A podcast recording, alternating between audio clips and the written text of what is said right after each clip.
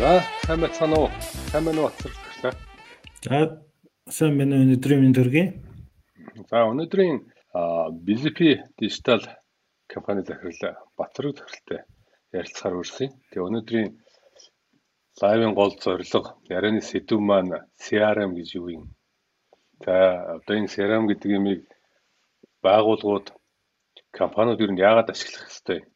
За нөгөө талаасаа энэ дижитал шилжилт энэ хөл хорой цаг яг энэ цаг үед ямар байдлаар энэ CRM улам бүр хэрэгтэй болоод байгаа тий энэ талаар ярилцахаар ингээд бэлтгэсэн. За тэгээд Бацар төгслөө сайн байна уу? Танай ажил төрөл сайн. Сайн сайн шинэ оны минь төрхий бүх хүмүүстэй сонсож байгаа хүмүүс бас танай байгуулах бас ажил төрөл тавлаг байгаа л гэж бодож байна. За бид нар ерөнхийдөө бас сүүлийн 1 2 сар гараагүй хугацаанд одоо хөл хорой бий болж байгаа энэ ковид 19-тэй холбоотой нөхцөл байдлаас өөрчлөлтөд одоо нийцгээд бас жоохон өөрчлөлт шинжилтүүд хийгээ явж байгаа. За ялангуяа юм одоо гэрээсээ ажиллах, ремотоор ажиллах, за онлайн баг хэрэгслүүдэд улам одоо илүү их ашиглах, за хааж ясан одоо гэдэг одоо онлайн офис хосолсон байдлаар ажиллах гэсэн юм шилжүүлдэг хийж байгаа. Тавхан ч бас яг тийм шилжүүлэлт хийж байгаа болов уу гэж бодож байна. Тэгэхээр харин яг ийм яг ийм онлайнаар ажиллаж байгаа ялангуяа ремотоор ажиллаж байгаа тохиолдолд бид бидний өнөөдрийн ярих гэж байгаа гол сэдв яг энэ арга хэрэгсэл түүл CRM онлайн ийм төлөвлөөр нь үнэхээр хэрэгтэй юм шиг байна. Тэгэхээр танай хувьд ер нь CRM-ыг ямар хөө байдлаар ашиглаж байна? Энэ өөрчлөлт орж байна уу? Яг энэ онлайнаар ажиллаж байх тохиолдолд хэрэглээ бас илүү нэмэгдэж байна уу? Өөрчлөлтөд бас хэрэглээнд бас өөрчлөлт орж байна уу? Өмнө нь болохоор бид нар CRM дээр мэдээж өгөх харилцагчтайгаа үүсэж байгаа харилцааны өвдлөгдөө үүсгээд а одоо гэртэл хэдий онлайн шийдлүүд бид нар байгаа ч гэсэн одоо уулзалт хийлэхэд нь офис манай офис төр байдаг юм уу би очиж уулзалт хийдэг юм уу манайх уулзалт хийдэг юм уу ийм зүйлийг бол хийсээр л байсан байна. За сайн нэг хэсэг бол ерөөсөө одоо юу гэх юм те хатуу хөл өрөөд байх үед бол бид нар онлайнаас өөр байдлаар уулзалт хийх болцоо байхгүй үед манад өмнө бид нар байсан мөртлөө яг хэрийг гаргаж чадахгүйсэн зарим шийдлүүд шууд ашиглаж эхэлж байна л да. Одоо жишээ нь миний Google Хуанлын одоо сул цагаас манай боломжит худалдаа өгч маань одоо өөрийнхөө цагийг сонгоод надтай шууд цаг товлоод за тэр товл цаг товлолт маань одоо миний Zoom-ийн одоо програмтай шууд холбогдсон тийм Zoom миний оролцоогоор шууд Zoom дээр цаг нь товлогдоод үсээд За эвлэгч маань тэгээ цаг болоод ирэхээр зүүмээр орж ирээд э, юу гэдэг юм би танилцуулгыг ингээ явчихдаг. Энэ шийдэл одоо 3 жилийн өмнө надад байсан би аль болох нөгөө эвлэгчээ хэрэглүүлэх хэрэглүүлэх гэж орж ирсэн бол ч одоо нөгөө Улаанбаатар Монгол одоо жижиг нэг хоттой тал хүн нэжиж тэгээд хойрхон очиод уулзчдаг учраас хэрэглээ болж ихгүй харин саяын сүүлийн 2 сарын хугацаанд бол би маш их одоо зүүм уулзтууд хийж гэн онлайн хичээлүүд хийж гэн За тэгэхээр хөсөн өсөөг яг л нөхцөлөд шахагдаад одоо юу гэдэг нь CRM-ийнхаа илүү их боломжуудыг бас гаргаж байгаа гэсэн үг тийм. Тэгэхээр ер нь энэ интернет хэрэглээ интернет орчиндх энэ төлөвүүд бизнесийн энэ удирдлагын арга хэрэгслүүд ер нь яг одоо хамгийн их хэрэгтэй хэрэгцээтэй нэгдүгürt хоёрдугаарт бидний амар олон жил ярьсан нөгөө дижитал шилжилтийн хэсгээд ярьсан энэ зүйлийг одоо л яг хурцгаж болохоор ийм дүр зураг харагдаад байгаа байхгүй.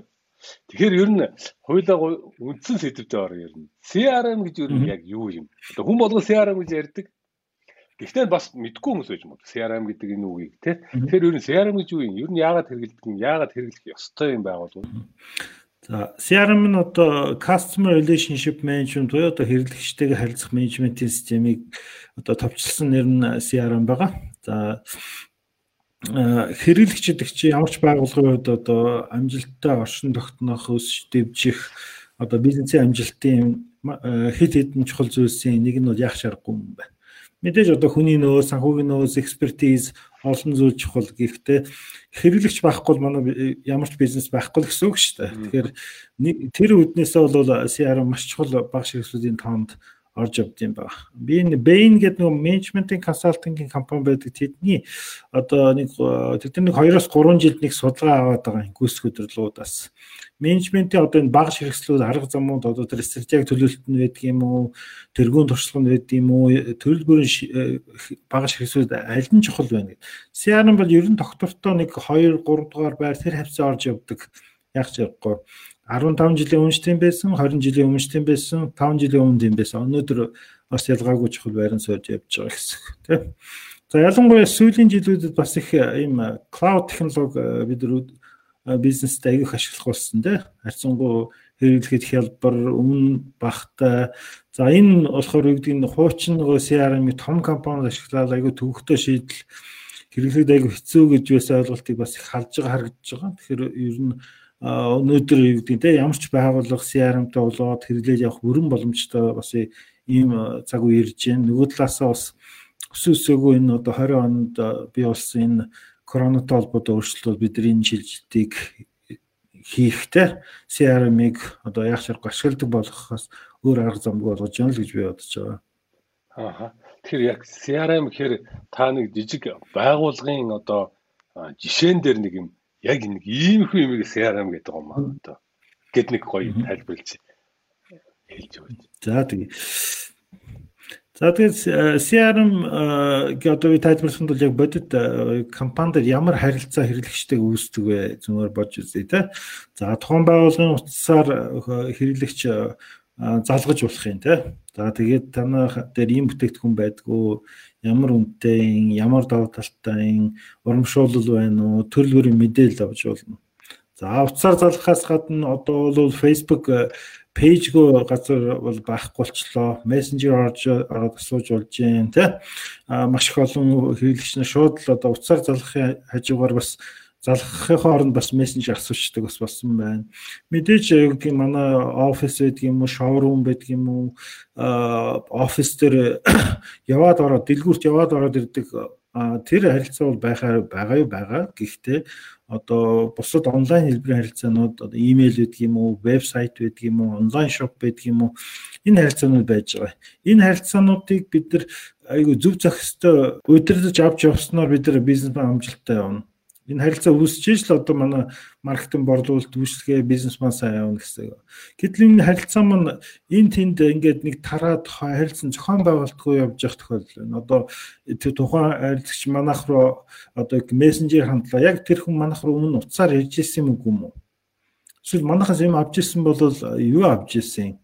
Энэ талаар мэдээлэлтэй байгаад хэрэглэгч манайх руу шууд утсаар ярьж явах үед энэ хүн ямар ч утсан байдгийг би шууд мэдж байгаа тохиолдолд хэрэглэгчид би нэгдүгürt маш зөв мэдээлэл өгнө. Хоёрдугаар тэрвээ борлуулалт хийх боломж байгаа бол тэрийг илүү зөв ашиглаж чадна. За маркетингийн хэлбэрээр харилцаа үүсгэх болвол бид илүү тэр хүн тохирсон одоо ямар сегментийн ямар хэрэглэгчийн гэдгээс нь хамаарж маркетинг маань зөв хийгдэх байна. Үйлчлэгээний явц гэсэн ялгаагүй байна те. Одоо за шинэ хамгийн энгийн пицца хатын жишээ бүгдээр мэдэн шүү дээ. Одоо би пицца захиалга захиалга хөнгөт одоо надад хэлдэг те та хуучин тэр хайган дээр авах уу гэдэг. За тэгэхээр би нөгөө манай айгу төвхтөө тэр байш тэр сургуулийн гэх баруун хойд талд орсны код нь тэр тэргээр тойроод энэ төр гэдэг айгу төвхтөө тэр зовлон би дахин дахин ярьж хэрэггүй л болчлоо гэсэн үг ба шүү дээ. Маш энгийн зүйл мөртлөө надад юу гэдгийг хэрэглэшин сэтгэл ханамжийг өсгөхөд шууд нөлөөлж чадж байна те. За тэгэхээр энэ энэ бүгд одоо юу гэх технологийн дэвшлийг ашиглахгүйгээр бол хийх боломжгүй шүү дээ. Одоо тэр хүн болгоны мэдээллийг толгоондоо бүгдийг тогтоочоод сууж идэг хүн гэж байхгүй. Хоёрдугаарт юу гэдэг байгууллагт олон хүн ажиллаж байгаа. Одоо манай багийн энэ хүнтэй үссэн харилцаа би мэдэхгүй тий. А гэтэл магадгүй тэр хүний одоо утсан дотор, имэйл дотор нь эсвэл тэр компани пэйж мессенжер энэ энэ мэдээлэл тарсан байгаа бид нар CRM дээр нэг газар базж чадсанараа тэр хэрэглэгчтэй бид нар харилцаа үүсгэж хэмбэ гэдгийг мэднэ л гэсэн үг байна 300 жангаас харна гэж иргэд юу гэдгийг албаа юу нэр томьёо нь тэгж яриад байгаа.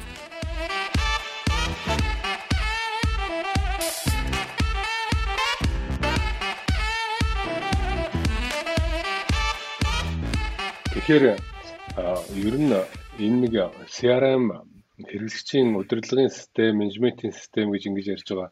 Энэ зүйлийн хувьд болохоор хэрэглэгчтэй ер нь таньж танах руу холбогдож байгаа хүмүүсийг таньж бүртгэж авах дараа нь дахин холбогдоход нь бид нар тэр хүний талаарх мэдээллийг нь яг тэр хүн тохирсон үйлчлэгээг нь санал болгох тийм ингээд ийм давуу талууд байна. Нөгөө талаас. Нөгөө талаас ер нь маркетинг борлуулалт хоёрын хооронд нэг юм байнгын гардаг нэг асуудал байдаг. Маркетингийнх маркетингаа хийцдэг. Борлуулалтынхангүй энэ маркетингийнхны авчирж байгаа одоо хэрэглэгчид тийм нэг сонирх яг одоо хэрэгтэй хүмүүс нь зөв хүмүүс нь биш байна. Эсвэл нөгөө маркетингийнх нь олж ирж байгаа олон хэрэглэгчд нь биднэрдээ байдгүй ирдгүү тийм борлуулалт болгож чадахгүй байна. Худалдаа авах яг болдгоо. Тэгэхээр ер нь CRM-ийн хувьд дахиад яг энэ энэ асуудлыг энэ маркетинг борлуулалт хоёрын уялдаа холбоог шийдвэрлэх ийм боломжууд бас байна.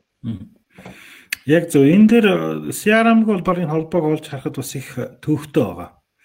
Яг гэхээр маркетингийн хизээ юу гэдгийг өөрсдөө хийж байгаа зүйлийг өрөөгөөжтэй байна. Өөрөлдөл юу гэдгийг ахиуц борлуулалт авчирч чадж гэнэ үү? бид нар англиар бол return on investment ROI гэж ярьдаг те. Тэрийг борлуулалтын дататай ямар нэгэн байдлаар холбож иж одоо за шууд борлуулалтын үнийн нөнгөөр биш юм ахад борлуулалт руу хэмжээний хандлт орж ирсэн, хэдэн хүн уцаар ярьсан, хэдэн хүн орж ирсэн, За одоо ямар чанартай хүмүүс орж ирсэн. Энийг мэдчихэж одоо борлуулалтынхан маркетинхан бас илүү их ер нь юу хийсэн чинь зөв яваад байгаа. Аль нь илүү үр дүнтэй гэдэг юм хэмжих бол. Үгүй тохиолдолд маш их хэмжээний одоо төвөр судалгаа энэ төр илүү зардал өндөртэй аргаар хийхээс аргагүй байна. Хуучин шидэг хийжсэн тийм гайл сугаар мэдээлэл бас яасан ийсэн гэдэг тийм. За өнөөдөр болохоор нөгөө маркетинг чинь бас их олон нөгөө дижитал сувгуудтай болсон байна одоо тэр юу гэдэг те Facebook-ийн сурчилгаа, page, messenger, вебсайт энэ төр гээд. За энэ сувгуудаар орж иж байгаа хүмүүс маань борлуулалт руу очиж байгаа гэдэг тэр замыг хараад юунаас юу гэдгийг энэ хэрэглэгч ямар мэдээлэл аваад манай борлуулалт руу хандж байгаа технологи ашиглаад харах болцоос нэмэгдээд байгаа. За ингэснээр одоо хуучин бол бид нар аналог хэлбэрийн технологи ашиглаж явах үед одоо тэр юу харж байгаа тэр хүм одоо хайл суугаар мэдээлэл авж байгаад одоо шил самбар харсан ч юм уу телевизээр харсан телевизээр сурчлагаа харсан хүн орж ирээд оруулал авсан хэсгийг бид нар судалж судалгаа хийхгүй бол мэдэхгүй шүү дээ. Гэтэл одоо юу гэдгийг манай пэйждээ тавьсан постыг хараад хүн доор нь комент өчээд Манай магадгүй манай бот одоо юу гэж шууд мессенжерээр мэдээлэл хийгээ. Тэр хүн манай бот дотроос мэдээлэл авч байгаад араас нь борлуулалт руу холбогдож орж ирээд борлуулалт руу очичлаа. А борлуулалтын маань одоо тэр борлуулалт руу очихдоо л бид нэр маркетингийн CRM руу нөгөө боломж судалдаа өгчийг өгч ийн гэсэн үг байна. Тэ борлуулалт руу шилжүүлээд. За банктаа өөрсдөө борлуулахгүй борлуулалтын борлуулалтын ажиллаа хийх нь байна. Тэгээ борлуулалтын тэр хүмүүстэй ажиллаж гин үү? Ажилласан бол амжилттай борлуул хийж чадсан уу гэдэг юм. Энэ дата маркетинд байгаа учраас маркетинг хэр э, хэдэн хандлтын хэдэн илүү борлуулалттай чанартай очиж гэн, борлуулалт болж чадж гэн. Ингэснээр үр дүнгээ бас хэмжих болцоод байна. За нөгөө талаасаа эргээд борлуулалтынд э, тодорхой шаардлагуудыг тавих боломж байна гэсэн үг байна тий. Одоо бидний идэвхжүүлэлтээр ийм хэмжээнд хандлт орж ирсэн байна. Гэтэл та бүхэн одоо утсаа аваагүй, эргэж холбогдоогүй юу гэнтэй хариу өгөөгүйгээс болоод э, борлуулалт алдж яах гэдэг ч юм. Өмнө нь бол тэрийг юу гэдгийг хэмжих, анзаарах болцоо бол айгүй хязгаарлагдсан байлаа ш. CRM бол яг тэр хэсэгтэр айгүйсан холболт өгж холбож өгнө гэсэн. А эсрэгээр дандаа маркетинг бол шаардаад байх юм бол жоохон шудраг ус байна э, маркетинг одоо юу гэх юм маркетинг мессеж буруу өгсөн ч байдаг юм уу эсвэл буруу сегмент рүү илүү их идэвхжүүлсэн ч байдаг юм уу ийм ийм тохиолдол гарч болно тийм эсвэл энэ тохиолдолд одоо борлуулалт төр чанаргүй хандлтууд орж ирж иж болно. А борлуулах юм бол чанаргүй хандлтуудыг бол чанар муутай байна гэдгийг нь тенденси арам дээр тэмдэглэх хэрэгтэй л болно гэсэн. Энэ энэ бол манай зорилт бүлгэрэлэгч байна. За айгүй инженеэр яхад манайх 1 2 өрөө байртай байр юу гэдэг те тэ хотхон байсан байла. Өмнө маань одоо 4 өрөө байр асуугаад хандаад байвал хүмүүс хандаад байвал одоо манай маркетинг мессежүүд яаж байгаа буруу очсон нэг л буруу л явж байна гэсэн үг байна тийм. За эсвэл шууд өөр тохиолдлууд ч бас байж болж байна. Энэ тохиолдолд эргээд одоо юу гэх юм маркетингхэнд аль идэвхжүүлэлт нь юу гэдгийг чанартай авчсан аль нь үгүй байсан гэдэг. Тэр холбоосыг бий болгосноор хоорондоо уялдаа сайжирна гэсэн ойлголт орж иж байгаа гэсэн. Аа тэгээд үүнээс гадна бас мэдээж юу гэх юм борлуулалт руу хандж байгаа болгон худалдаа авалт хийхгүй тийм. А магадгүй зарим нь худалдаа авалт хийчихнэ борлуулалт маань амжилттай болчихно. А нэг худалдаа авалт хийсэн хэрэглэгч маань одоо дахин худалдаа авалт хийх үг хий. Магадгүй энэ бүтээгдэхүүнийг авсан байхад нөгөө бүтээгдэхүүнийг авна тийм. А өмнө сонирхчсан бүтээгдэхүүнээ авах магадлал ямар нэгэн байдлаар байж л байгаа. Яг тэгэхээр тухайн үед одоо аш холбогдлыг ойлгоогүй магадгүй одоо юу гэх дээ тухайн үед одоо худалдаа авалтын чадвар төсөн мөнгө нь байгаагүй гэж болно. А эрг нөгөө юу гэдэг энэ хэрэглэгчдэр маркетинг маань яг дахин холбогдож идэвхжүүлсэн маркетингууд хийснээрээ тодорхой тооны одоо цөөн хэрэглэгчтэй сегмент дээр ажилласан ч гэсэн борлуулалтын тун боломжтой үр дүнгуудыг гарч ирэх боломж байна уу гэж бас харагдаж байгаа гэсэн. А хуучин бол энэ энэ тал дээр бид ажиллах жоох хязгаарлагдмал байдаг байсан учраас ялангуяа нөө B2C дээр тий B2B-ийн ч яг тодорхой байгууллага дээр ажилладаг учраас гайг байсан байна. B2C дээр ингэж ажиллахад аягүй төвхтөө. Тийм учраас харьцангуй нөгөө масс руу одоо юу хийдэгчүүл тэгэл тэн дундаас шинэнч төр хуучнанч төр бидэрлүү хандж орж ирдэг хэлбэрээр явж исэн бол одоо юу гэх шинэ хэрэглэгчээ олох өмнө манайх руу хандж исэн мөртлөө тодорхой бүтээгдэхүүнийг сонирхсан хэрэглэгчийг дахин худалдаа юу худалдаа авалтанд нь одоо гэх юм те доктортойгоор чиглүүлж их А өмнө худалдаа авалт хийжсэн нэг давтан худалдаа авалтууд одоо магадгүй одоо кросс сел, апсел юм ин идэвхжүүлэлтүүдийг маркетинг бас үр дүнтэй их болцоонод харагдаж байна гэж байгаа. Тэгэхээр ер нь ингээд одоо сүүлийн үед нэг мод болоод яриад байгаа customer journey хэрэглэгчийн худалдаа авалтын замнал гэдэг ингэж ярьдаг. Энэ замналыг бүхэлд нь юм өдөртөх боломж CRM олгож ийн гэж ойлгож болж байна. Зөв. Яг зөв. Мэдээж юугийн худалдаа авалтын замнал бас яг ингээд э, битээрээ юу гоё нэр нэр томьёо ярьж байгаа шиг амархан зүйл бас биш л дээ тий хэцүү. Гэхдээ бид нар юу гэдгийг тодорхой шатуудаар харах боломж байна гэсэн.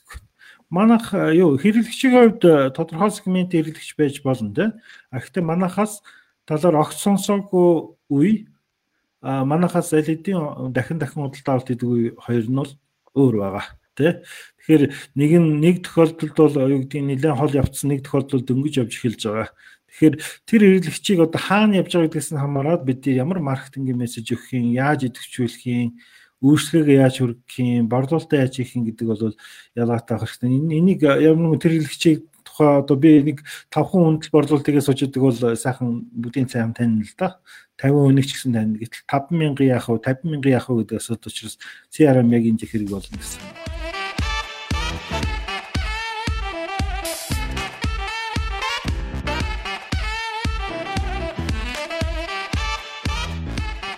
Тэгээ дээрэс нь олон хэрэглэгчийн олноос гадна энэ нэг маркетингийн одоо маш олон сувгуудтай болцсон тий.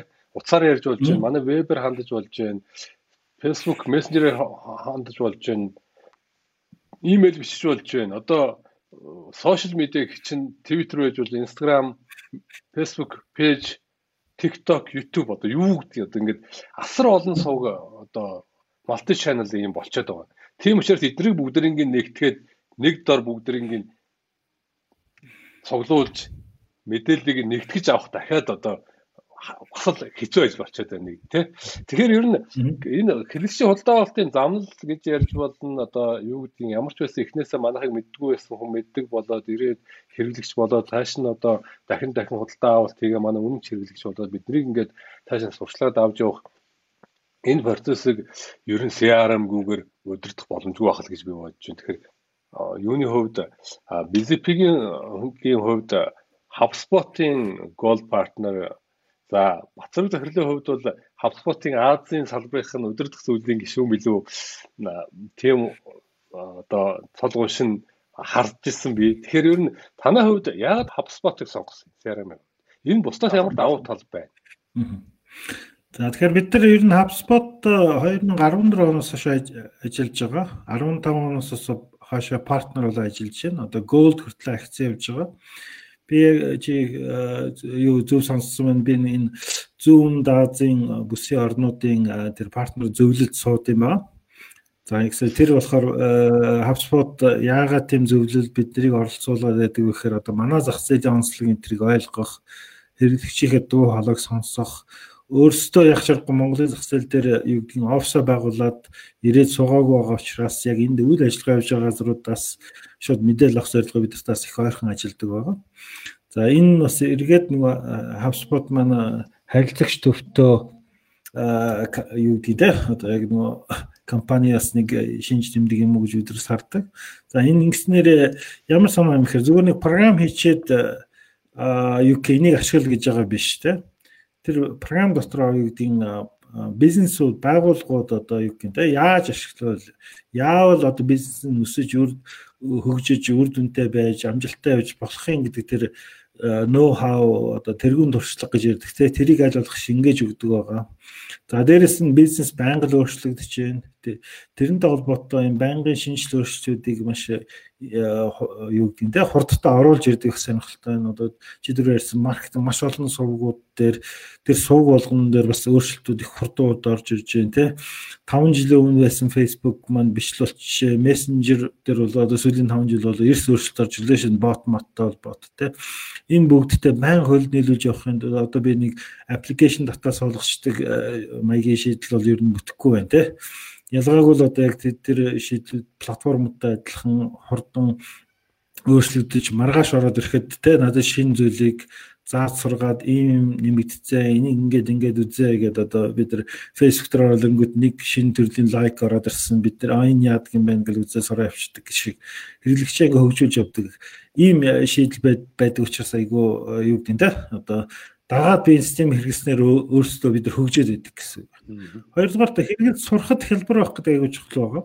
Хүссэн үсээгүй бид нар юу гэдгийг бүгдээрээ юу гэдгийг инженерийн ч юм уу одоо тэр database одоо менежментийн ч гэх юм уу одоо айгүй хүнд тийм программын талын юмыг нарийн мэддэг хүмүүс яагач байдаггүй тий.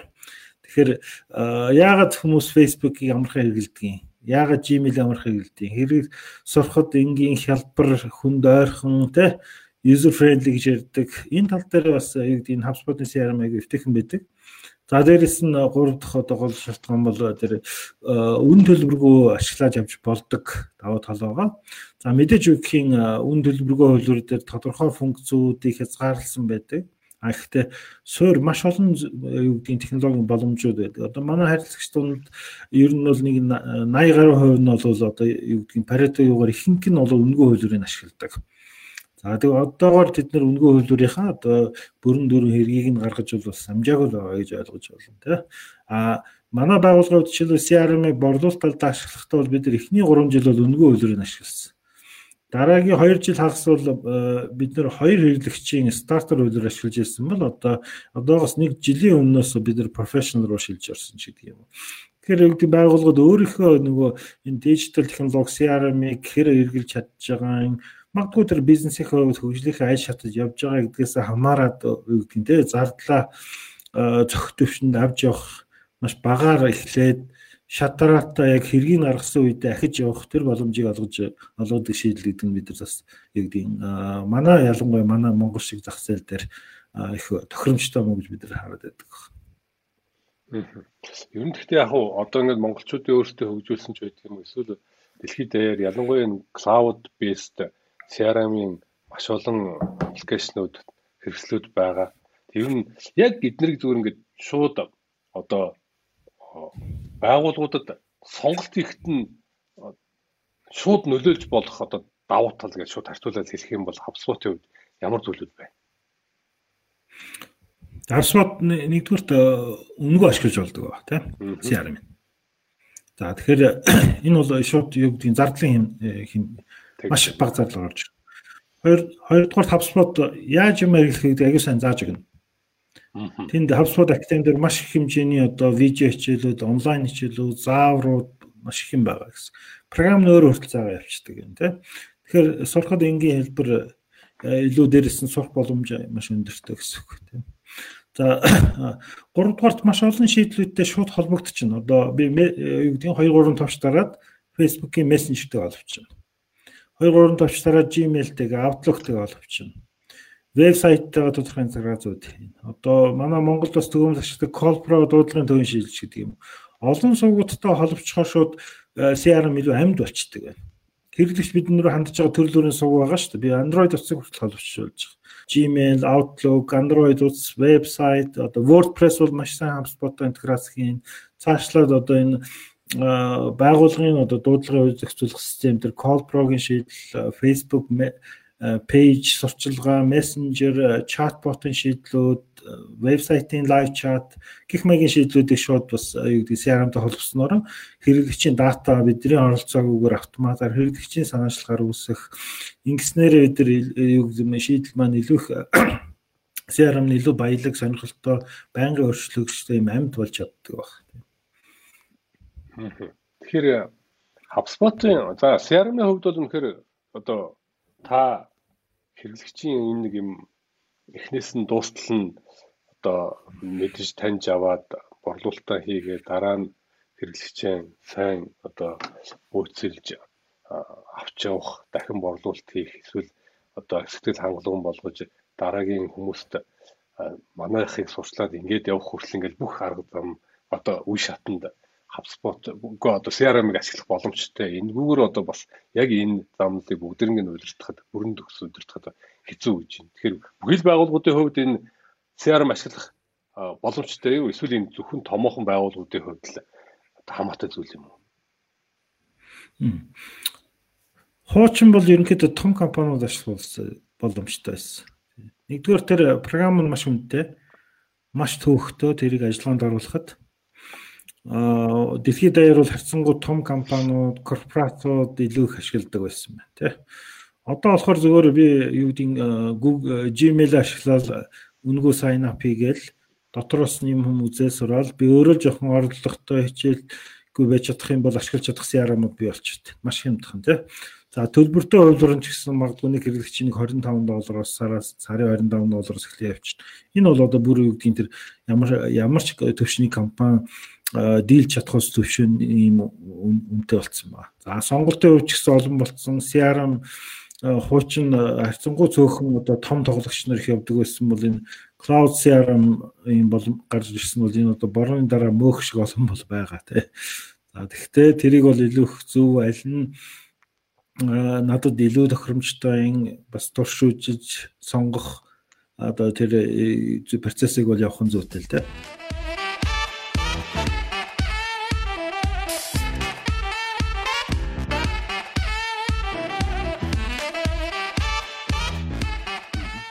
Тэгэхээр энэ ер нь таны ажилласнаар одоо таны хувьд бол 14 миний мэдхий 14 оноос хойш яг энэ HubSpot-ын талаар одоо хэрэгжилж байгаа бусад байгууллагууд гэсэн одоо үйл ажиллагааны нэвтрүүлэх ийм ажлуудыг хийдэг. Тэгэхээр ер нь яг энэ HubSpot ч юм уу ийм төрлийн CRM-ыг ашиглах үнэхээр боломжгүй салбар байгуулах гэж байна уу? Эсвэл хамгийн тохиромжтой одоо энэ салбар байгууллагууд гэхээр ямар байгууллагууд одоо ямар салбарынхан байна? За хэрэглэгчтэйгээ шууд ямар нэгэн сувгаар харилцаа үүсгдэг одоо уулздаг, утсаар ярьдаг тийм имэйл бичдэг, мессенжерээр чаталдаг, за вебсайтн дээр мань ордог, тодорхой хэмжээгээр хинбэ гэдг нь гэдг нь хэрэглэгчийг тодорхойлох боломжтой байдаг. Өөрөөр хэлбэл утасны дугаар, имэйл хаяг, мессенжер юу гэдгийг те. Ийм тэгээд дээрэс нь юу гэдгийг дахин худалдаа авалт их боломжтой те давтан худалдаа авалтууд ийм дээрс урт хугацаанд одоо хэрэглэгч манай юу гэдгийг тэгээ урт хугацаанд шийдвэр гаргадаг. За дээрэс нь юу гэдэг юм олон жилийн турш бид таас юу гэдэг хэрэглэгч маань байж болох ийм бизнесүүдээр илүү их тохиромжтой харагддаг. За бодоод үзэл та манайх магадгүй одоо Times Square дээр нэг жижигхэн дэлгүүртэй. Тэн дээр өсөө жуулчид сувж байна. Тэр нь орж ирсэн дахиж одоо амьдралдаа орж ирэх үү орж ирэхгүй юу? Энэ тохиолдолд би орж иж байгаа хүн болгоныг CRM дээр датаг нь үсгээл яваад ах шаардлага байхгүй ш. Яг тэгэхээр чи угаасаа юу гэдэг жил болгон хэдэн 10 сая хүн урсж идэг газар байна тий. Тэгээд тэр датаг бий болгоно ч маш хэцүү байна. Тэгэхээр зарим бизнест бол тодорхой хэмжээгээр тохиромжгүй байж байж болохоор байна.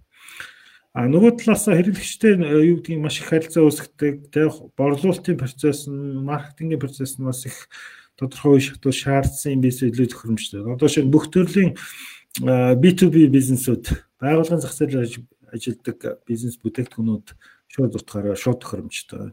За өөр салбарын хувьд гэх юм бол одоо барилга үйл хөдлөх бол жишээ нь маш тохиромжтой байдаг. Тэнд бол за CRM заавал явах хэрэгтэй. Хүн орж ирээд байшаа аваад гараа авчихгүй, байр аваад гараа авчихгүй те.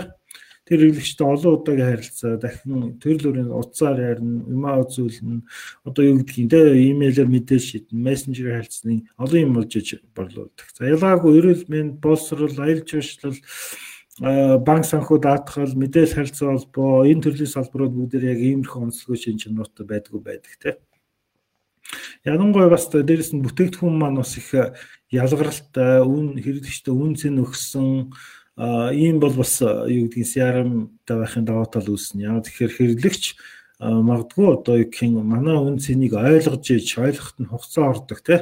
Тэр хооронд бид нар маркетинг юм маань байнга хийж явах хэрэгтэй, ойлгуулж байгаа хэрэглэгчээ нөгөө замналаар нь хөдөлж явах явж явах хэрэгтэй. Ийм бизнесд илүү тохиромжтой юм уу гэж бас бодож байгаа л да. Магадгүй би ирээн дээрээс маш хямдхан юм яваал нэг удаа зараал тэгэл дуусчдаг. Энэ бизнес дээр бол одоо манайхаас авсан хүмүүсийн мэдээлэл над нэг сайн биш биш. Би нэг удаа маш хямдхан зараал дуусч байгаа тийм. А гэтэл манай би эрүүл мэндийн бүтээгдэхүүн органик одоо юу гэдгийг тийм харьцангуй бас жоохон үн мөн баг зэрэг өндөр байж магадгүй. Гэхдээ л нөгөө яг зорилтод сегмент хэрэглэгчид маш гоё үгдийн үр дүн үнцийг авчирч чаддаг А ийм бол илүү их CRM фокуст CRM-ийн мөн үр дүн улам их гарна гэсэн үг тийм. Тэгэхээр ийм танай бараа бүтээгдэхүүнийг яг одоо зүгээр тантай хамгийн анх удаа уулзаал худалдаж авахд бэлэн хэрэглэгчд байдаг бол нэг тийм шаардлагагүй ч магадгүй юм. А урт хугацааны байнга уулзаж нөө хүнтэй чинь олон удаа уулзаад манай өөрийн бараа бүтээгдэхүүн үн цэнийг дахин дахин таниулж байж одоо нэлээд удаан хугацааны дараа эсвэл одоо ерөөсөө ямар ч үсэн ихний худалдаар шууд худалдаа авахд бэлэн хэрэглэгчд байдгүй бол одоо та CRM ашиглуул илүү үр дүнтэй байна гэж ойлгож болж байна. Зөв үү те? Зөв яг илүү их үр дүнтэй байна гэсэн үг ба шүү дээ. Тэгээд ингэж би болохоор ингэж бодоод тах юм. Ер нь одоо ингэж хоёулаа CRM-ийн талаар ер нь HubSpot-ын талаар их гоё дэлгэрэнгүй ярина гэж бодож яг хэрэглээ тал дээрсэн. Гэхдээ нэг юм өмнө нь асуух гэсэн. CRM нэвтрүүлэхэд ер нь одоо яг би ажил үүргийн хуваар ажлын байр маяг шинээр үүсгэх үү? Ер нь одоо тийм заавал одоо зөвхөн CRM хариуцсан нэг хүмүүс гарах ёстой юу одоо тийм юм байх уу? Мэдээж юу юм би шууд юу гэдгийг CRM дээр нэг CRM менежер гэж хүн ер нь албан шол бол байх хэрэгтэй байна. А гэхдээ би одоо 5 хүнтэй компанитай бол одоо CRM менежертэй байна гэдэг нь өөр аюутгахгүй шүү дээ. За гэтэл манай компани одоо одоо бидний 20 орчим хүнтэй л байна. А магадгүй нэг 40 50 хүнтэй болоод ирэхвэл бид нар хүний нөөцийн менежертэй болох байх гэж бодож байна л доо.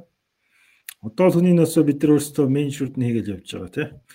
А яг тэрнтэй адилхан би 5 хүнтэй бол CRM менежер гэдэг нь утгагүй байна. А 50 хүнтэй болоод ирэх юм бол байх хэрэгтэй болов уу гэж бодож байна. А тэр оронд тэр CRM-ыг нэг одоо бас нэг хариуцсан одоо юу те хүн байх хэрэгтэй. Манай компанид яг өнөөдөр бол би өөрөө CRM менежер хийж байгаа. Тэгэхээр энэ бол юу гэдгийг ялангуяа нөгөө жижиг дунд бизнес байгууллагуудад айхтруудаагүй ийм байгууллагууд бол одоо ажил үүрэг болгон дээр л ажлын байр байгуулчвал одоо хэцүү шүү дээ бизнес тий. За тэр хүн юу их хэрэгтэй вэ гэхээр тэр CRM дээр байгаа өгөгдлүүд тэр бүрдэж байгаа юм. Үнэн зөв бүрдэж байгаа юм уу? Нэг тийм эзэнтэй болох хэрэгтэй шүү дээ. Давхардаа үүсээд байна уу? Энэ дээр өгөгдлөө илүү зөв бий болгох болцоо юу байгаа юм? Манай баярын энийг ашиглаж чадж байна уу? Энийг заа сургах тэр дотоод сургалт юу ямар ч байгууллагууд э, шинэ хүмүүс орж ирнэ, гарна, солигдно. Тэр эрхийн менежментийн яаж хийх юм, сургалт хөгжлийн яаж явж явах юм, шинэ зүйлүүд яаж явах юм. Энийг хариуцсан нэг хүн байх хэрэгтэй гэсэн үг байна, тийм. За явандаа бол юу гэдэг тэр бол яг тодорхой албан шалтгаан хариуцах бах. Эхний үед бол тодорхой албан шал дээрээс давхар байж болно гэсэн үг. Ялангуяа нөгөө харилцагчийн үйлчлэгээ ч юм уу тийм эсвэл маркетинг тал руу байвал борлуулалт тал дээр ч бас байж болох. Энэ гурван нэг жайл нэг дээр байж хад болно гэсэн үг тий. За IT IT-ийн багтаа бас IT дээр байхыг л өсөхгүй.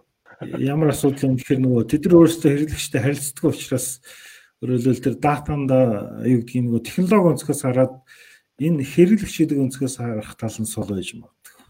Гэхдээ би өөрийгөө жишээ болгоод одоо хэрэглэгчийн үгд бол иймэрхүү байдлаар CRM дээр харагдаж харагданаа гэсэн юм скриншот байна тийм. Арчны эхний баганд бол одоо нөх хэрэглэгчийн нэг овг нэр утас зураг юу гэдгийг те юу ямар бүтээгдэхүүн одоо манай дээр сонирхч сонирхтын ямар бүтээгдэхүүн авсан сүүл бидэнтэй харьцаа явсан нийт хугацаанд ямар хэмжээний үнийн додолт авалт хийсэн. За байгууллагын харилцагч байх юм бол ямар салбарын байгууллагын ямар байгууллагын ямар албан тушаалтай харилцагчийн гэдэг ч юм уу За доошлох юм бол манай дээр байдаг одоо юу гэх зарим байгууллагууд огт хамаагүй одоо шинэ манай сургалтын хамрагдсан бол энэ сургалтад хизээ хамрагдсан гэдэг шиг юм уу төрөл бүрийн одоо тэр хэрэглэгчээ бид нар хинбэ гэдгийг таних ойлгоход хэрэгтэй тийм мэдээллүүдийг бүртгэх нь гэсэн үг байна тийм. За энэ өгөгдлийг гараараа байнга үүсгэх бол мэдээж хэцүү. За яг энэ тохиолдолд дээр зураг байгаа харагдсан тийм. Тэр зураг бол жишээ нь мессенжерээр хандаад ороод ирэхэд мессенжерийн зургийг ороод иж болох нь байна. За гэхдээ нөгөө магадгүй миний мессенжерийн нэр одоо busy man гэдэг нэртэй байсан байлаа гэж бодъё тий товчлсон. Яванда надтай юу гэдэг манайхтай харилцах үед одоо Бацэр гэж хүн байсан маа гэдэг өгдөл нь илүү баталгааж орж ирсэн байж болно гэсэн. А ихтэй анх манайх руу хандж явах үед тэр хүн busy man өнөө Бацэр өгнө ер нь ашаал бүгд тэрнээс илүүтэйгээр энэ хүн одоо ямар төрлийн байгууллагын үеийн ямар төрлийн бүтээгдэхүүн сонирхоод байгаа юм хэрэг сонирхож байгаа энэ нь илүү чухал байна те а цагаат талаад гэрээ байгуулдаг юм уу сургалтын бүртгүүлэхэд бол юу гэдгийг илүү тодорхой болоод ороод ирнэ гэсэн. Гэрээ байгуулж байгаа тохиолдолд цаад байгууллагын регистрийн дугаар хүртэл дата хүртэл орж ирнэ гэсэн үг шүү дээ.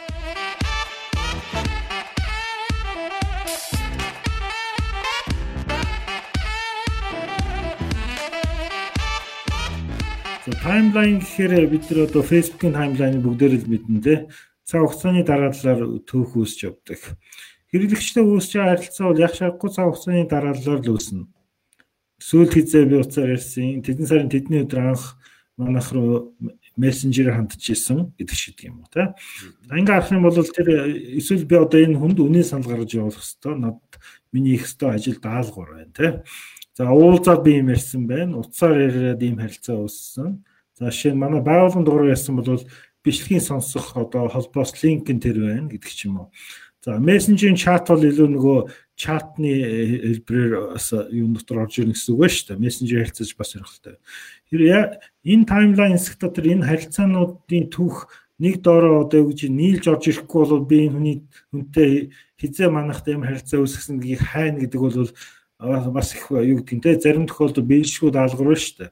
Нэг бол тэр хүн биний явуулсан имэйл тэр юу имэйл маань тэр sendbox дотор inbox дотор явж байгаа пэйж мессенжер дотор явж ээж магадгүй заавал юу гэдгийг өөр би final дээр энэ хүнтэй уулзсан гэдэг тэнд дэвтэр дээр ийм уулзаа ярьлага бичсэн байж магадгүй CRM дээр бол энэ бүгд дата нэг газар орж ирнэ гэсэн үг тийм.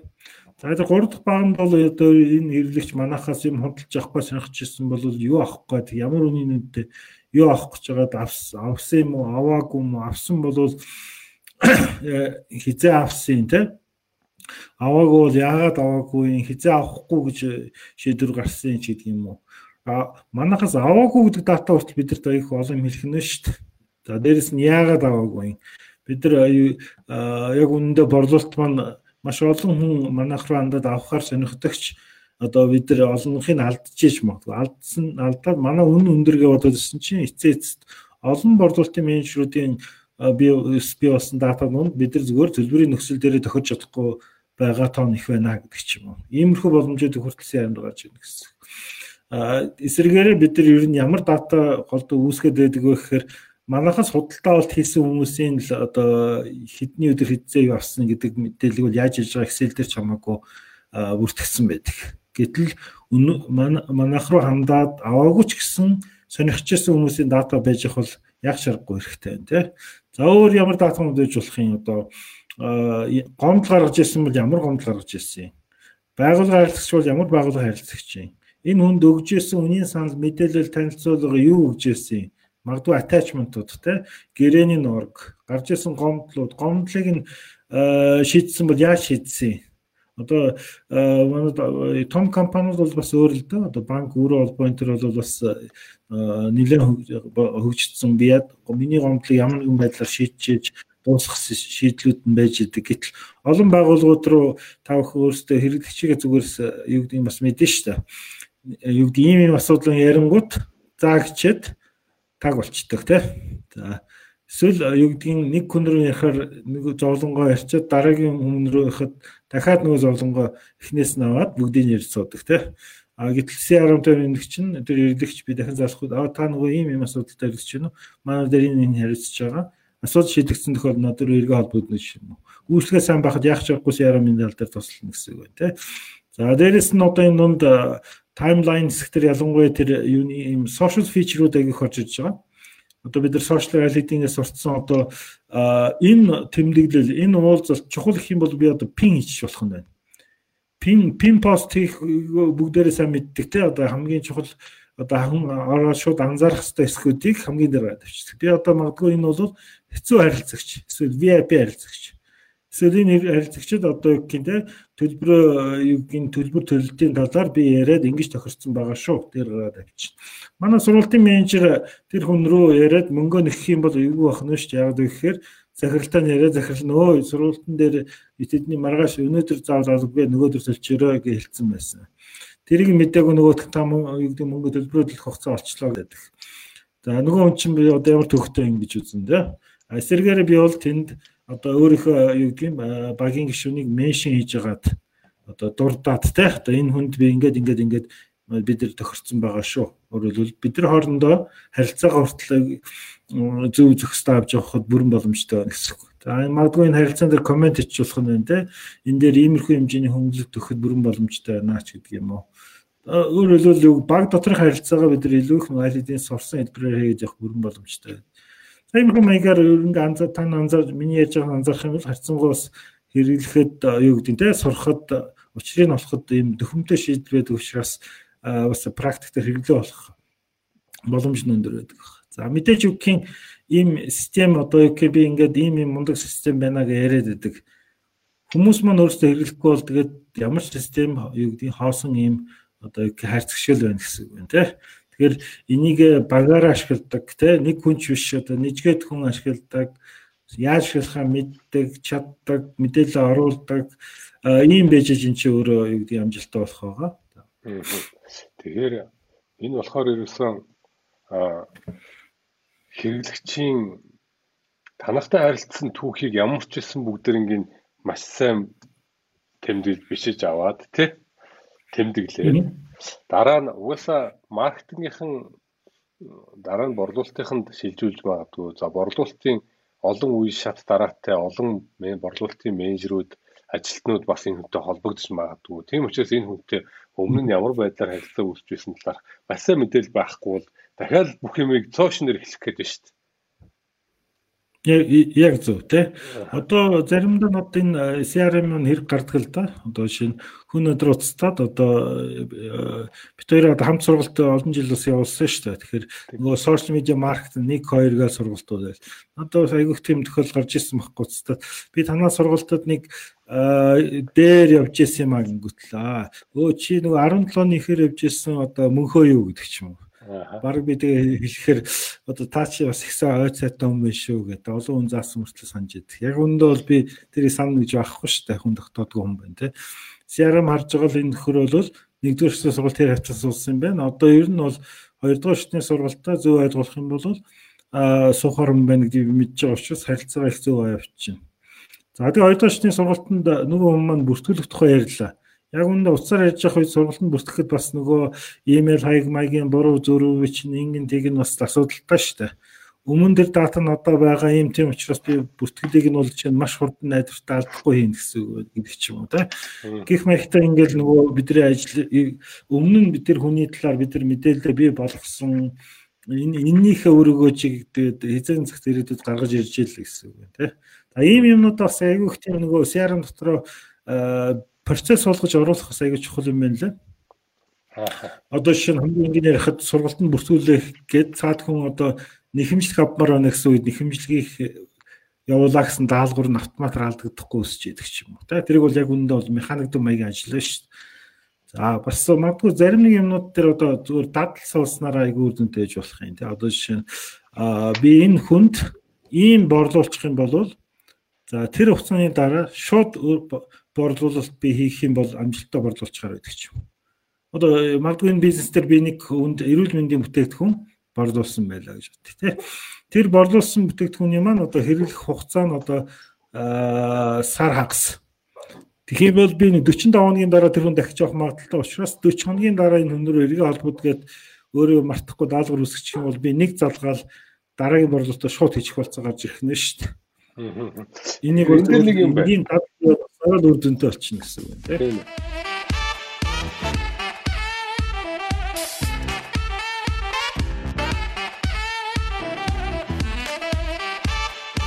Энд дээр болохоор одоо ингэж шүү дээ сая хэрэглэгчийн мэдээлэл байна. Ямар харилцаа үүсгэж байсан, ямар одоо хаалгын, ямар хүн хаалт одоо бүх төрлийн мэдээллүүд нь.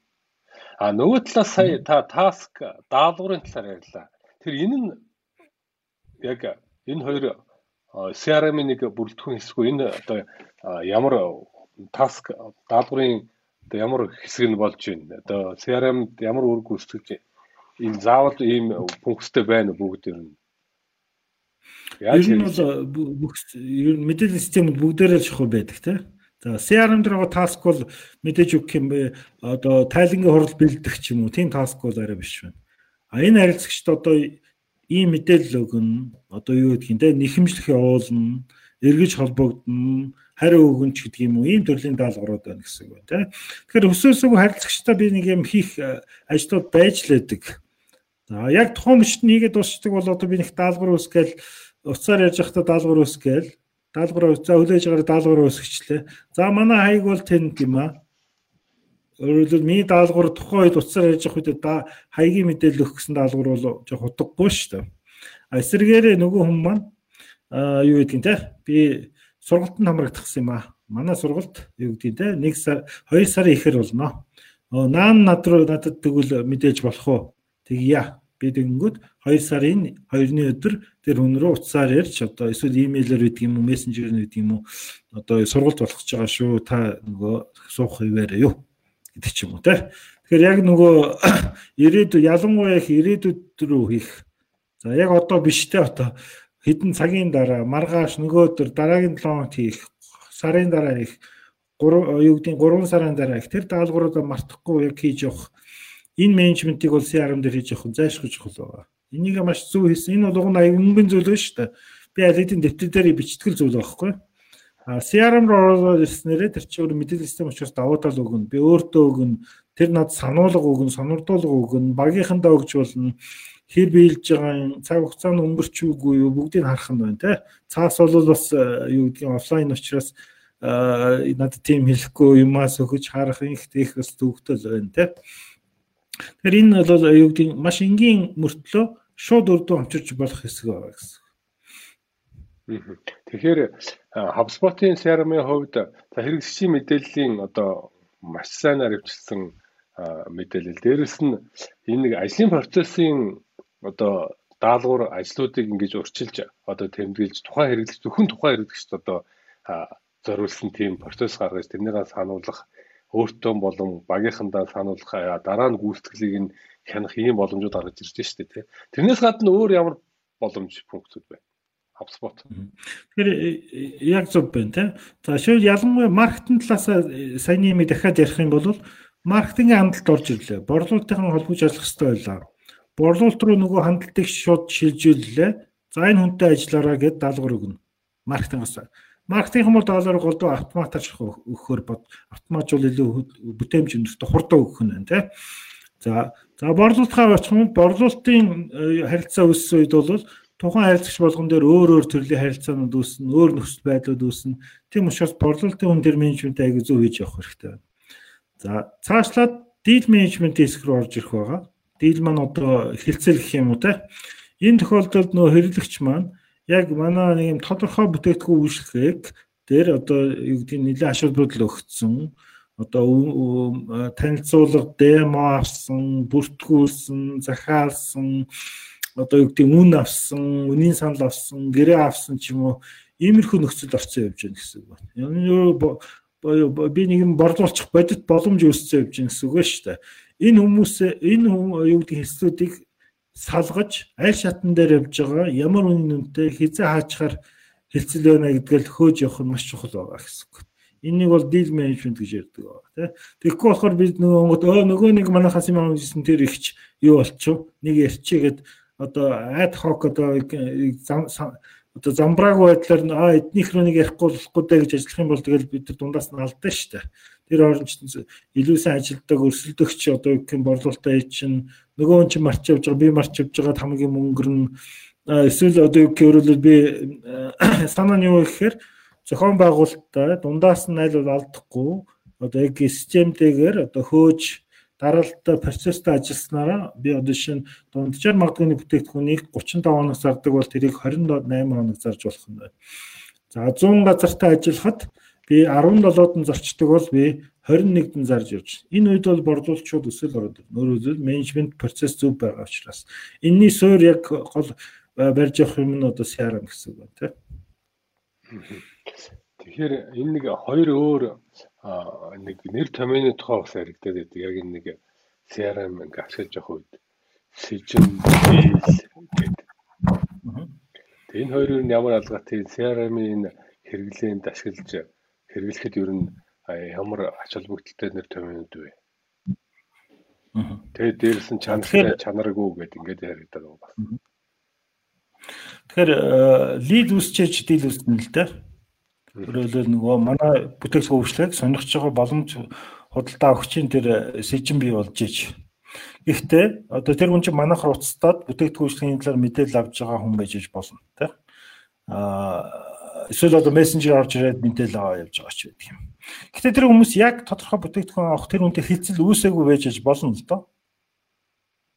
Аа үүссэн байгаа тохиолдолд би хэлцлээрээ удирдах нь байна. Дийл гэсэн үг. За одоо чинь тий, дийлээрээ удирдах гэсэн үг байна тий. Би яг э, хүмүүст айгүй ойлгомжтойгоор би орон сууцны үйл хөдлөлийн борлуулалт дээр хийж үзлээ л да. А хэрэглэгч манайхаар устдаа танад ямар байрад яадаг гэдгийг одоо хэдэн метр хавдраад байршил маш хаана уу ийм тийм мэдээлэл авч ирлээ. Ялгаагүй мессенжерээр орж ирээд бот ботоос мэдээлэл авч байна тий. Энэ тохиолдолд тэр боломж судалдаа өгч мөн үү мөн, сэжин мөн үү мөн За хэр чанартай юу гэдэг бол дараагийн арай дараагийн асуудал байна тийм. За э, энэ дээр хилцэл үүснэ үүсээгүй байгаа. Хилцэл хэзээ үүсэх вэ гэхээр үйл хөдлөлтөөр ядаж хүн ирж уулзчиж борлуулалтын хүнтэй ярилцаж юуж ийж. Тэр хүн чи эренгүүд за ингээл юу гэдгийг загваруудаа танилцлаа, концепттай, нотхонтой танилцлаа, ингээл тэглээ. А нөгөө хүнд чинь юу гэх юм те одоо нэг юм хоёр өрөө байр ийм загвар таалагдаад байна. Яа одоо юу гин те би нэг үү би хоёр уу гэх ч юм уу те одоо. А ийм юм дээр за энэ би нэг дээр ер нь авбал ямар шүнтөө яах вэ хөө нөхцөл нь яах вэ хөө. Одоо энд бол юу гэдгийг нэг бодит юм нэг юм тодорхой юм дээр яриа хөрөө үрсээ авчлаа шүү дээ. За тэгэхээр энэ тохиолдолд бол одоо энэ маань хилцэл үүсэж байна гэсэн үг байна тийм. За одоо би онлайн худалдааны жишээн дээр арай аваад үзье. Би ороод бараанууд үзээ яваад байна онлайн шот бүртгүүлсэн. Би боломж судалдаа өгч мөн мөн сэжин байна те. А сакс руу бараа гэдэг хэлэх юм бол би нөгөө дийл үүсэж гин гэсэн байна те. Сакс руу бараа гэхээр би ямар нэгэн тодорхой юмуд авах магадaltaа болж гин гэсэн үг. Тэр сакс нь бараагаа би төлбөрөө төлөөд хөргүүлээд аваад дуусах юм бол тэр дийл явсараагаад амжилттай хаагдлаа гэсэн үг. Дундаас нь хаяад одоо юу гэх төлбөрөө төлөхийнхөө өмнө бэлдэг юм уу? Одоо хөргөх явцад нь ер нь болиё гэдэг юм уу те энэ тохиолдолд бол юу дундаасаа би амжилтгүй алдаж байна л гэсэн үг байна тийм. А тэрнээс шүүхийн онлайн шопт бүртгүүлсэн хүн болгон одоо гэдэг худалдаа авалт хийх гэхээр яг сонирхож байна уу гэдэг бол бас эргэлзээтэй гэсэн үг. Эхний мэдээлэлүүд аваад явж байгаа. Энэ бол лид байна.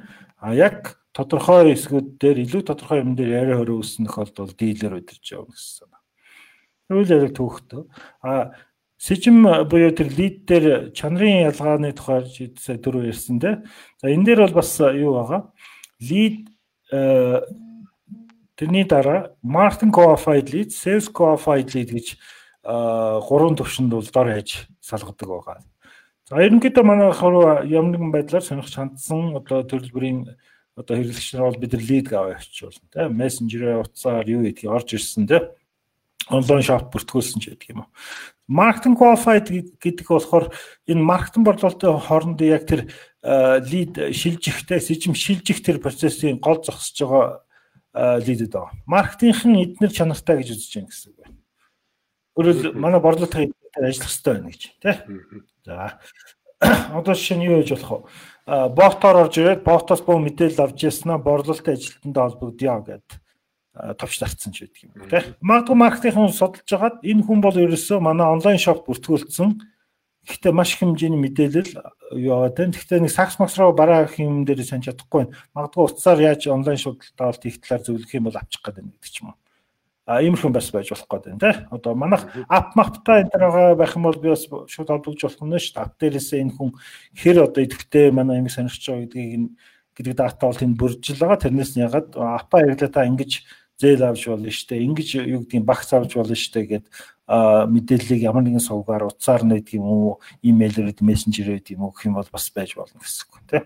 За тэгэнгүүт тэд тийм боломж судалтай өгчийг маркетингийн тодорхой шалгууруудаар үнэлж ягаад борлуулалт өгнө. Борлуулалтын тэр үнд ажиллахаар бүгдээрээ тийм гоё сайн чанартай байхгүй л дээ.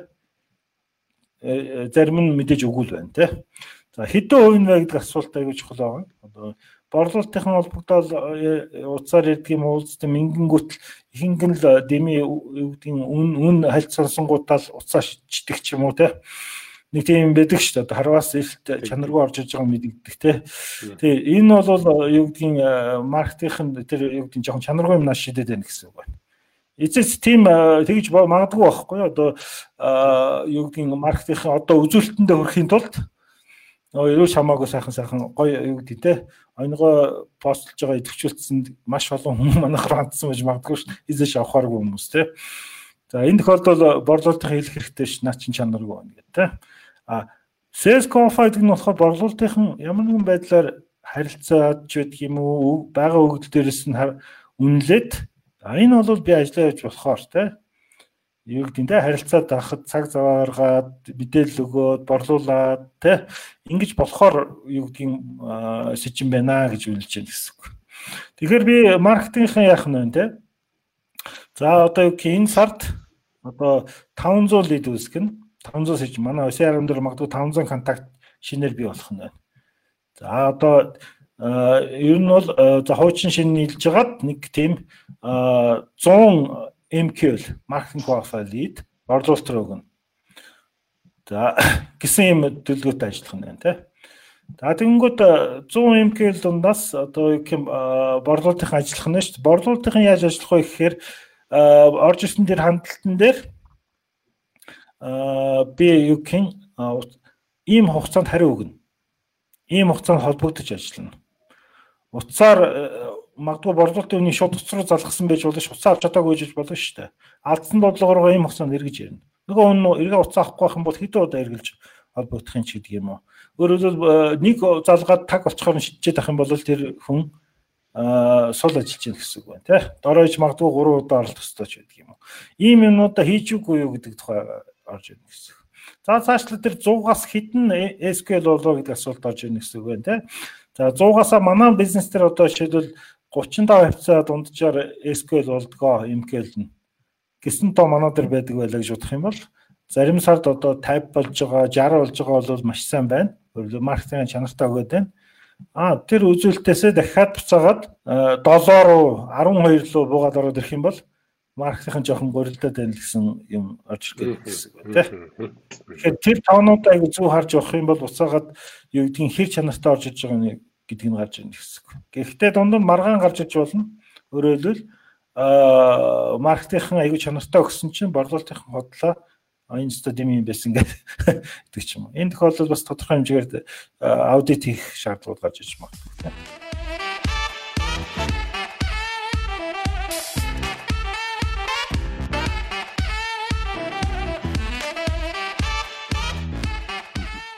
Тэгэхээр ингээд CRM-ийн хэсэг нөгөө талаасаа энэ үр дүн тайлангийн хэсэг бас байх нь шүү дээ тий. А хэрэг лид хэр зэрэг дийл үүсч болж байна. За тэр нь чанартай чанаргүй за тодорхой хэмжээний борлуулалтын үр дүн орлогын мэдээллийг ч гэсэн бас оруулах боломжтой. Ер нь HubSpot-ийн CRM-ийн хувьд энэ үр дүнгийн хэсэг дээр ямар ямар төлөвлөлтийг харж болох вэ? За одоо жишээ нь манай CRM дээр өдөр болгон хэдэн контакт үүсэж байгаа юм. Өөрөлдөө лид хэр өсөж гин гэсэн байна тий. За юу гэдгийг бид нар хідэн контактыг энэ хугацаанд хідэн контакт дээр иг одоо борлуулалт руу хуваарлсан. За хідэн контакттай бид нар ажилласан. Ажилласан гэдэг чинь одоо уцаар ярьсан уу, уулзсан уу, имэйл хийсэн уу, мессенжер чатсан уу тухай ярьж байна гэсэн үг тийм. За тэрнээс хідэн дийл үүссэн. Одоо дийлүүдээс хэдийг нь хааж байгаа юм. Ингээл өөрөлдөө дийл мэл болоод ирэнгүүт шууд борлуулалт руу ороод орно тийм. А цаашлаа тэгэл мөнгөнд дөнгөний тухай яриад эхэлнэ гэсэн үг тийм. Иймэрхүү төвшин юмнууд харж явах нь Тэгвэл анх манах руу хандаж орж иж байгаа тэр тоо явсаар байгаа цааш нь хитэн одоо хилцэл амжилттай хилцэл болж хувирж байна. Энэ тонод харах тухай ярьж байна гэсэн. Мэдээж үгийн ажилтан болгоноор бас задлж харах нь чухал баг. Тэр чинь нэг хүн нэг борлуулагч биш нэгжгээд борлуулагч ажиллаж байгаа тохиолдолд хийний борлуулалт ямар явж байгаа юм. А борлуулалтын одоо хийх боломж төлбөрүүд нь яаж харагдаж байна. Би өөрийнхөө дийлүүдэд бүгдийг нь оруулах юм бол надад ер нь энэ сард нэг иймэрхүү хавцааны борлуулалт хийхээр төлөвтэй харагдаж байна гэсэн юм би багцаалт боломжтой болох нь гэсэн үг шүү дээ. Тэрнээс гадна энэ борл одоо хамгийн анхны их сурвалж их усүр одоо контакт үүсэж байгаа их усүрээр нь бас энэ үр дүнгийн ялгаж салгаж харж болно тийм. Одоо сошиал медиа яг тэр мэдээж чухал юм тий. Аа яг ер нь бол юу вебсайтаар орж иж байгаа тохиолдолд вебсайт руу орж исэн хандлт сошиалос орж исэн юм уу, сошиал дотор одоо Facebook байсан юм уу, юу байсан юм энэ ийм юмнууд бол айгүйх автоматар ялгах болцсон байгаа. Одоо Google-ийн хайлт ч үүдг юм уу та эсвэл шууд бичээд ороод ирсэн. Яг л нөгөө Google Analytics-тэй төстэй шүү дээ. А эсвэл офлайннаас маш их дата үүсдэг л дээ. Офлайн дата харин юу гэдгийг ерөө боломжтой бол гараагаа ангилж бас болох болно. А жоохон гар ажиллагаатай л гэсэн үг байна. Тэгэхээр хөсөө өсөөгөө нэлээд борлуулалт бол офлайн гэж харагдаад байдаг. Эцэс тэгтээ тэр хүн манай фейсбુકийн сурталчилгааг харчаад яваад ороод ирсэн байж болно шүү дээ. Тэгэхээр эндээс нэг олон channel маркетингийн энэ юунууд байгаад байгаа хөөхгүй. Одоо жишээлбэл танай саяын мессенжерээр өмнө нь контакт үүсгэчээд за дараа нь веб хуудасаар форм бүглөөд орж ирж байгаа энэ хоёр хүнийг нэг одоо контакт байна гэдгийг нь хавсуут нийлүүлж авах хэрэгтэй юм ш таньж аваад. Энийг одоо яг ямар мэдээлэлээр нь таних боломжтой. Тийм учраас аль энэ хоёр их сурвалжаас одоо яг ингэж таних боломжтой ямар мэдээллүүдийг нь одоо нэгдсэн одоо байдлаар авч авах. Яавал зүгээр одоо энийг танихад ер нь давхар контакт үүсэхгүй тулд. Аа хөсөөсөө давхар контакт бол үүсдэг. За тэгэхээр аль болох баг үүсгэх а дээрэс нь давхар үүснэх бол нэгтгэх процесс байх хэрэгтэй байна. Тэр өөрөө юу гэдгийг deduplication гэдэг бүр нийт юм ята тий. Өөрөөр аль болох давхар үсэхгүй давхар үснэх хөл багасгаж явна, нийлүүлж явна гэдэг ч юм уу тий. Энээр хамгийн сайн барьдаг юу гэдгийг боломж болвол өөрөөр давхар үсэхгүй боломж бол имэйлийн дата байдаг. Хүмүүс имэйл гэхээр имэйл маркетинг тухайд бодоод байдаг байна. Эцэц тэгвдгийн тэр хүн имэйлээ унших уншихгүй үйл хамааран тэр хөдөлгчийг олон сувгууд дээр таних, тодорхойлоход имэйл бас ID маягаар ашиглаж болдог байна. Бид нар регистрийн дугаар байдаг шиг тий. Тэгэхээр эцэс тэр хүн их имэйлийг уншаад үзэж гэсэн Facebook дээр тэр имэйл дээр бүртгүүлсэн байж ах магадлал бас том боломжийн өндөр байдаг. За тэгэхээр имэйл нэгдүгээрт байна. Хоёрдугаарт бол утасны дата гэж болно тий. А мессенжер орж байгаа хэрэглэгч ихтэй бид нар ботгүй бол утас имэйлийг нь автоматар юу гэдэг юу гэдэг тий асуугаад олж авах ч юм уу гараа гар оролцоогүйгээр хийхэд хэцүү шүү дээ. Бот бол асуугаад утас имэйлийн дата үсгэж чадна. Авч чадна тий. За имэйл байгаа тохиолдолд тун амархан нөгөө э, CRM дээрээс тэр иргэдчтэй имэйлийг шууд үүсгдэг ч юм уу эсвэл байхгүй шинээр үсгээд байгаа бол шууд тэрэн дээр нь холбоо явуулчихна гэсэн үг байна. А утас утасны тохиолдолд бол хайж үзэх хэрэгтэй болно гэсэн үг. CRM дотор шууд утсаар юу гэдгийг бот өөрөө шууд хайчиж болох нь байна хайгаад олдоод гараад ирэх юм бол нөгөө хүн ч юм байна гэж нийлүүлчих болно. За 2 3 гарч ирэх юм бол бас сэжигтэй байна шүү дээ. Яагаад 2 3 гарч ирж байгаа юм? Нэг хүн нөөнд дугаараа зарцсан юм шүү дээ, тий. Энэ тохиолдолд одоо хүн рүү юу гэдэг энэ хоёр хүн нэг хүн байж магадгүй шүү гэд админ руу өгдөг ч юм Тэр нь тэрний тэр үед хүний аудит орж ирэх ч юм уу иймэрхүү боломжууд бас байж болно гэсэн тий. За өөр яадаг вэ гэхээр би сард нэг удаа яг нэг CRM менежерийн ажлаа хийж шít. датагаа зэгцэлдэг байна.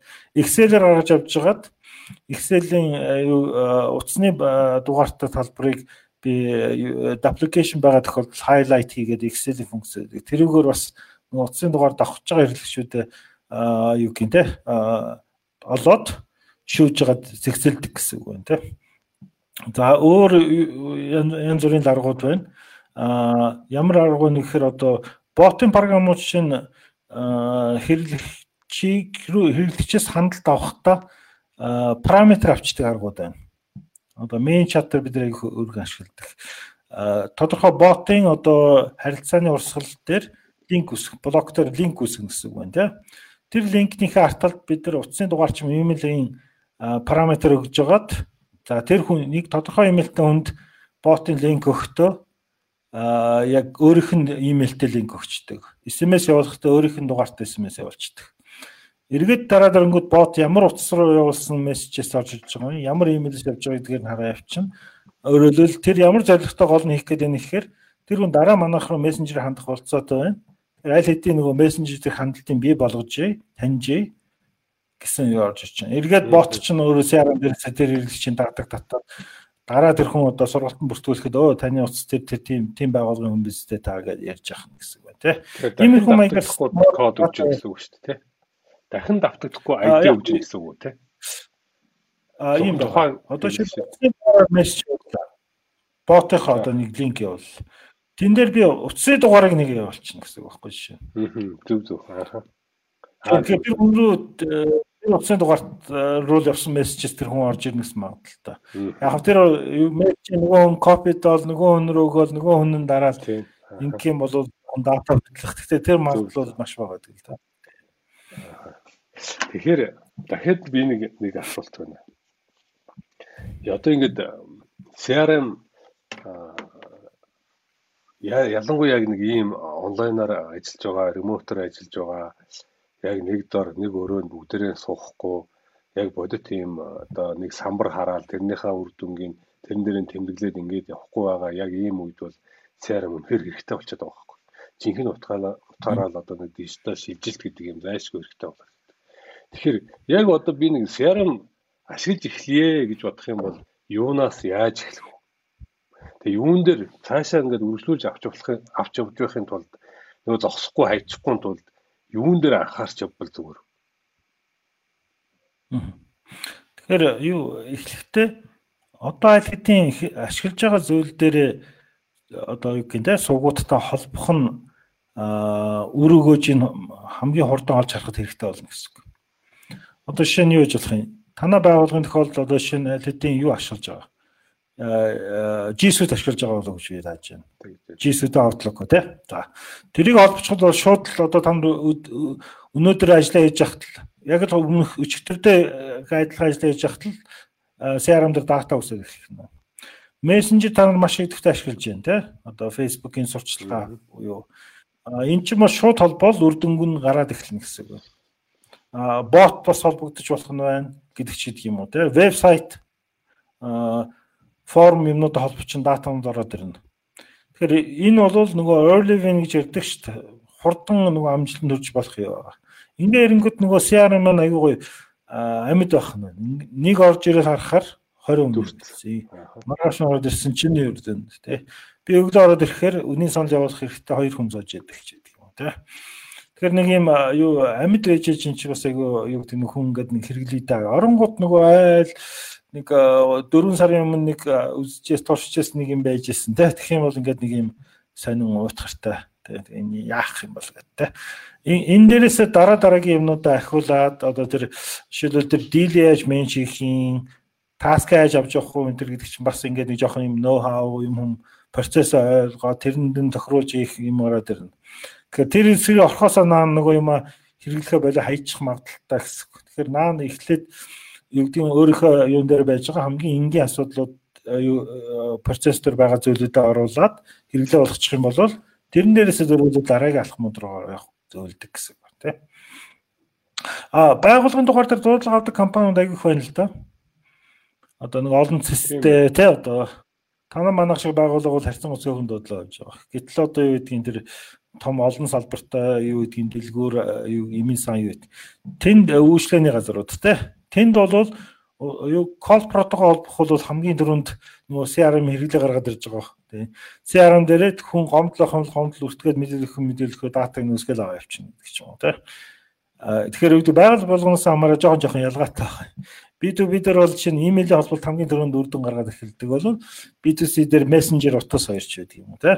Тэгэхээр CRM ашиглах гэж байгаа бол хамгийн түрүүнд амьд дүүргэж байдаг нэг тийм их усрээ тийм хамгийн түрүүнд байнгын ашигладаг идэвхтэй их усрээ холбоод орох юм бол нөгөөдөг чинь CRM чинь шин шин хэрэглэгчтэй дүүргэн. Тэгэхээр таны хувьд ажилттай болно.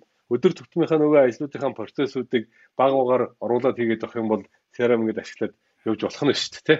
А яг зөв. Одоо шинэ бидний практик дээрээс одоо анх сургалт бүртгүү сургалт явуулж эхлэхэд нэг форм бөглүүлээд датаг нь аваад тэгээ Excel дээр бүртгээ явж ирсэн байна. Дараа нь энэ айгу төвхтэй санагдаад ирэнгүүт CRM-тай холбож утсан байна тий. Тэгэнгүүт тэр дата маань CRM руу автоматар орж явахын тулд нөгөө форм вебсайт дотор байршуулад холболт хийсэн. Ийний дараа хамаагүй илүү эвтэйхэн амархан нөгөө яг энэ формыг бөглөсөн хүмүүсээс шүүж гаргаж ирээл тэгэнгүүт тэр тэгэл тэр хүмүүсэргөө мэдээлэл явуулаад маргааш сургалтаа шүү гэдэг ч юм уу нэхэмжлэгээ явуулдаг ч юм уу Тэр үл өсөөсөө шууд тэр борлуулалтаа уйлдаад ороод ирэнгүүт тэр хэрэглээ болоод эхэлж яана гэсэн үг байна тийм. Яг яг тийм юмнуудад аягүй зөв болж эхлэх юм бол өр өгөөж шууд харагдаад тэрэн дээрээс ахаад шат ахаа явах юм уу гэж харагдаад байгаа гэсэн.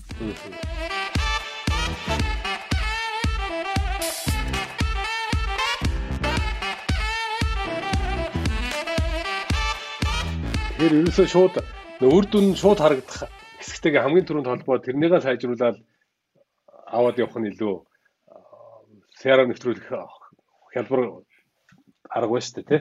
За за. Ер нь битээр би миний авдаг хасаад байдаг байхгүй юу? Ааха.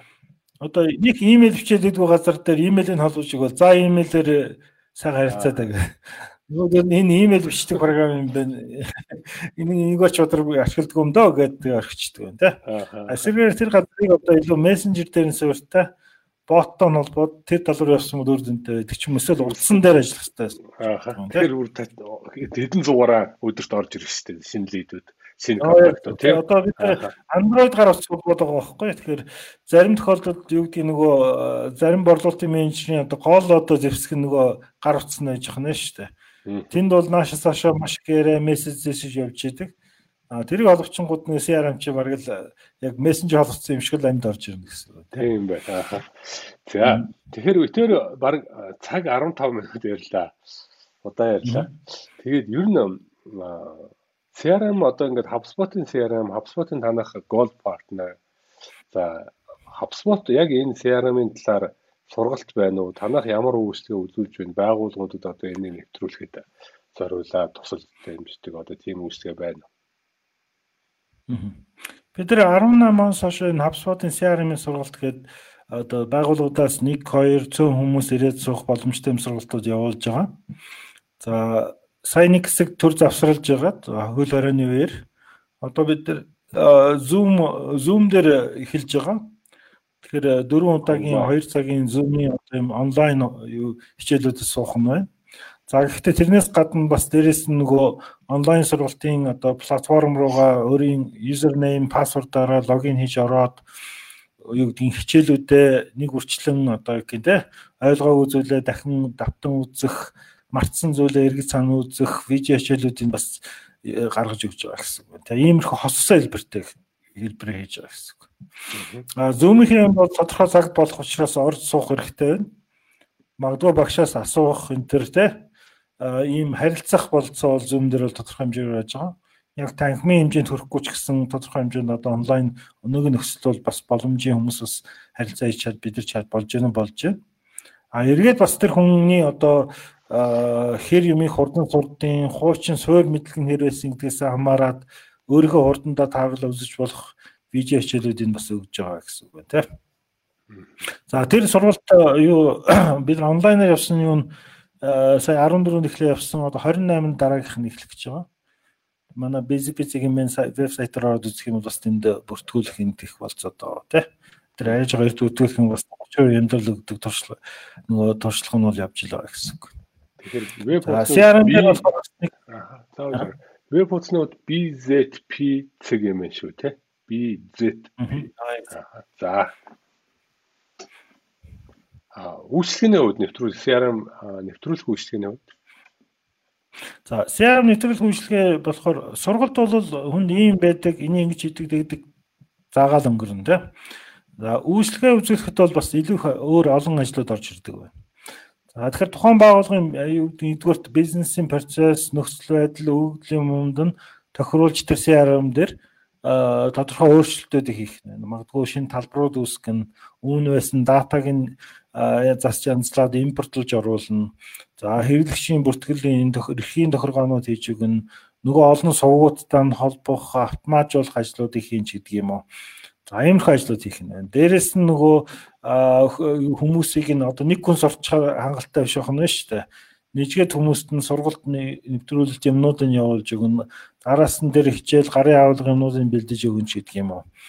За За тэгэхээр ийм үйлчлэгээ бас байдаг вэ? Манайд одоо 2 сар үргэлжилдэг. Яг чаргагүй нөгөө байгууллага дээр бол энэ жоохон тийм аяа өгдөн те. А 1 7 хоног 2 7 хоногийн дотор болчдөг зүйл биш байна.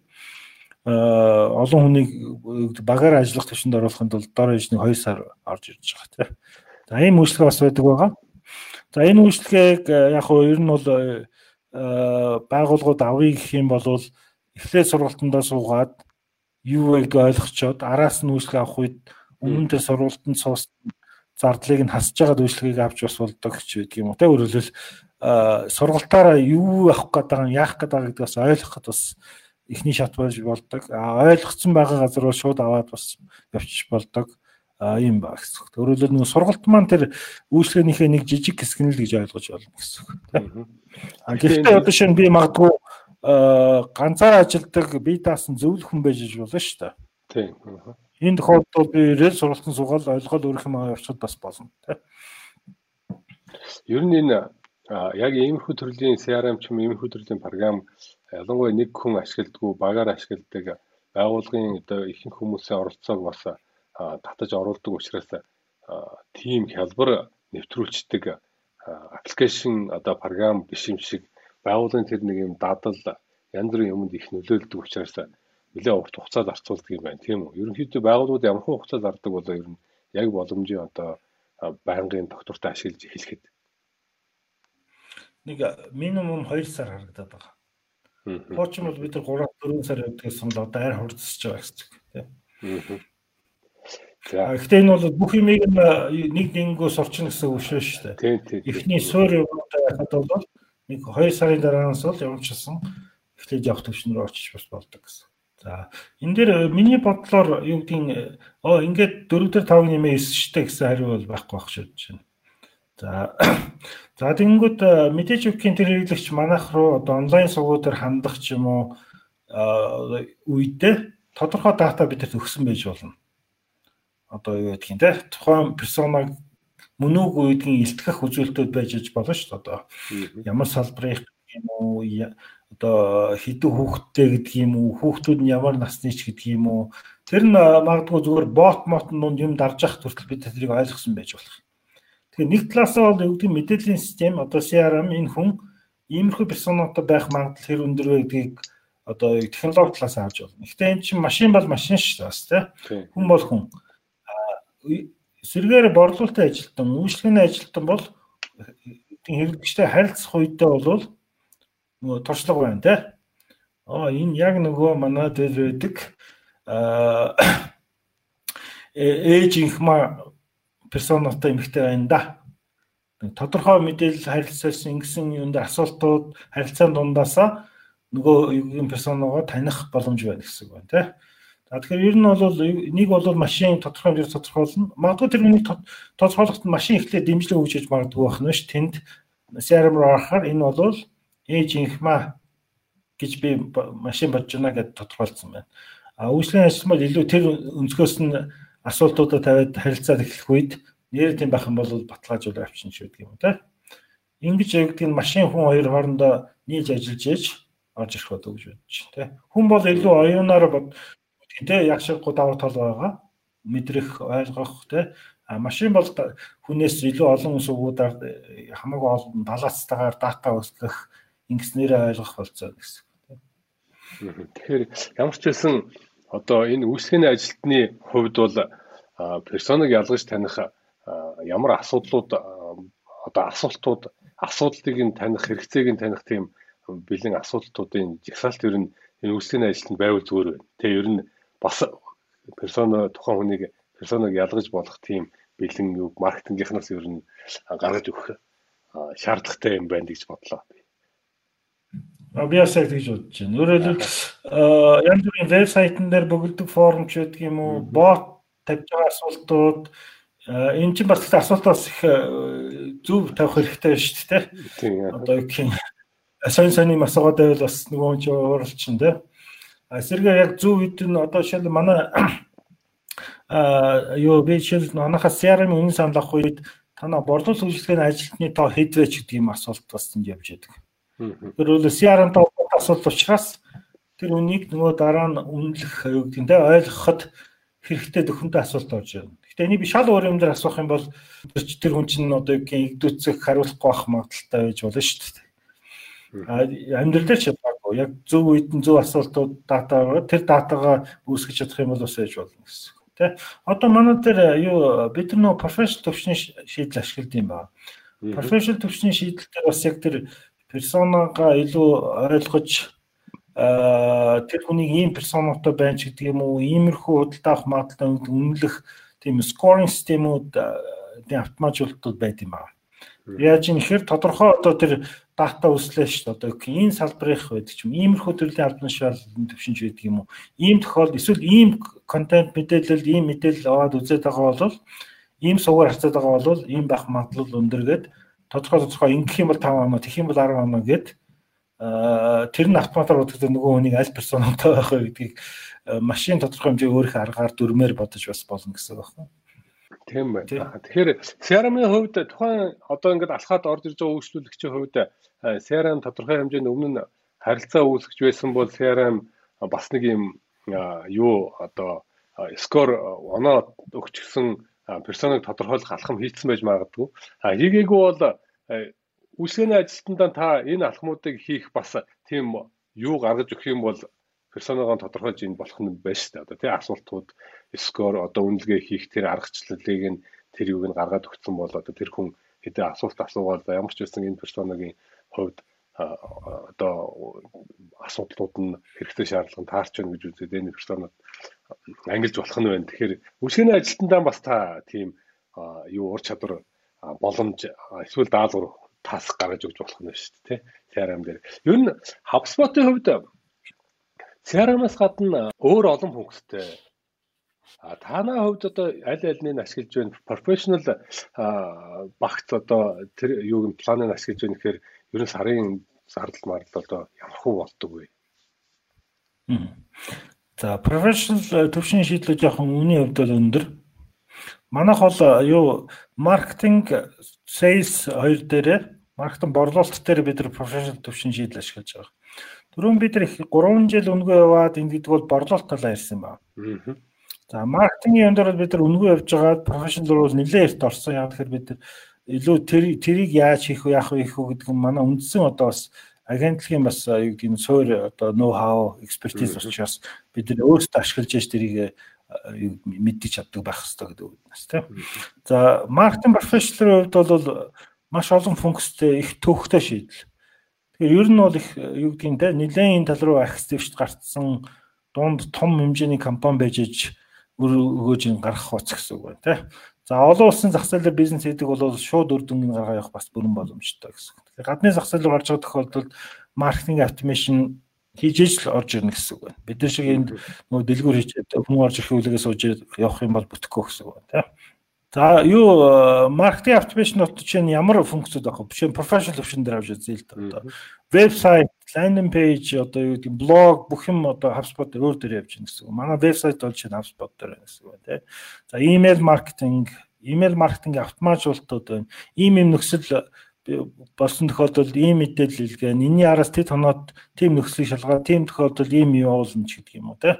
Эсрэгээр баг тэр хэрэглэгч ямар нөгөө худалдаа авалтынхаа замлыг хаана явж байгаа ингэдгээс намаарад юм авчих юм бол дараа явуулах гэсэн юм болчин ш гэдэг юм уу. Өөрөөр хэлбэл систем чи өөр аягүйх тийм нөгөө хүнээ таньж ухаалгаар юу гэдгийг те нэг юм дүрмээр биш нөхцөл байдал тохирсон дүрмээр ажиллаж чадна гэсэн санаа байна те. За өөр юу ямар шийдвэр вэ гэхээр одоо шинэ контентын стратеги төлөвлөх за ямар түлхүүр өгнүүдээр бид нар гармаар байгаа энэ Google-ийн хайлтан дээр хайлтын системийн оновчлол за маркетингийн компанид ажлуудаараа үр өгөөжүүдэд хэмжих за цаашлаа тэр өөр юу гэдгийг За би ингээ зэсээ харж байгаа дээ явах хэрэгтэй одоо жишээ маркетинг дээр а нөгөө call to action-ууд байна, вебсайтны формууд байна. За өөр төрөл бүрийн одоо энэ сошиал сувгуудаа нэг цэгээс удирдах гэдэг юм уу. Ерөнхийдөө ингээл ер нь дижитал маркетинг юмнуудаа бүгдийн нэг юу гэдэг нэг газраас л цогцор нүүдж явна гэсэн байна. За мэдээж эн чинь өөрөө дөнгөд Facebook хэрэггүй болчихж байгаа юм биш. Facebook-тэйгээ холбоо явуулчихна гэдэг ч юм уу тий. Миний имэйл хэрэггүй болчих юм биш, имэйлтэйг холбоо явуулчихна. А энэ дотроос бол би илүү зөв имэйлж явуулна ч гэдэг юм уу. Аа ийм талын шийдлүүд байдаг гэсэн үг. Тэ борлуулалт дээр юу орж ирд юм бэ? Борлуулалт дээр бол арай одоо шинэ би надаас юу гэдэг манай боломж тодалтай огч руу би дараасан имэйлүүдийг би миний өмнөөс яг явж байгаа мэтэр хийдэг ч юм уу. Тэргүй надтай уулз тоглонгууд миний имэйл явах байдаг ч гэдэг юм уу гих маягта үнийн санал боловсруулж явуулах инх тех гээд дараагийн шатны борлуулалтын автоматжуулалтад орж ирдэг баг. За үүсгэх тал дээр бол яг хуу тикет менежмент бол үнэгүй хөлөөр дээр ч хүртэл байдаг да. Одоо санал гомдлоо менеж хийдэг ч юм уу те.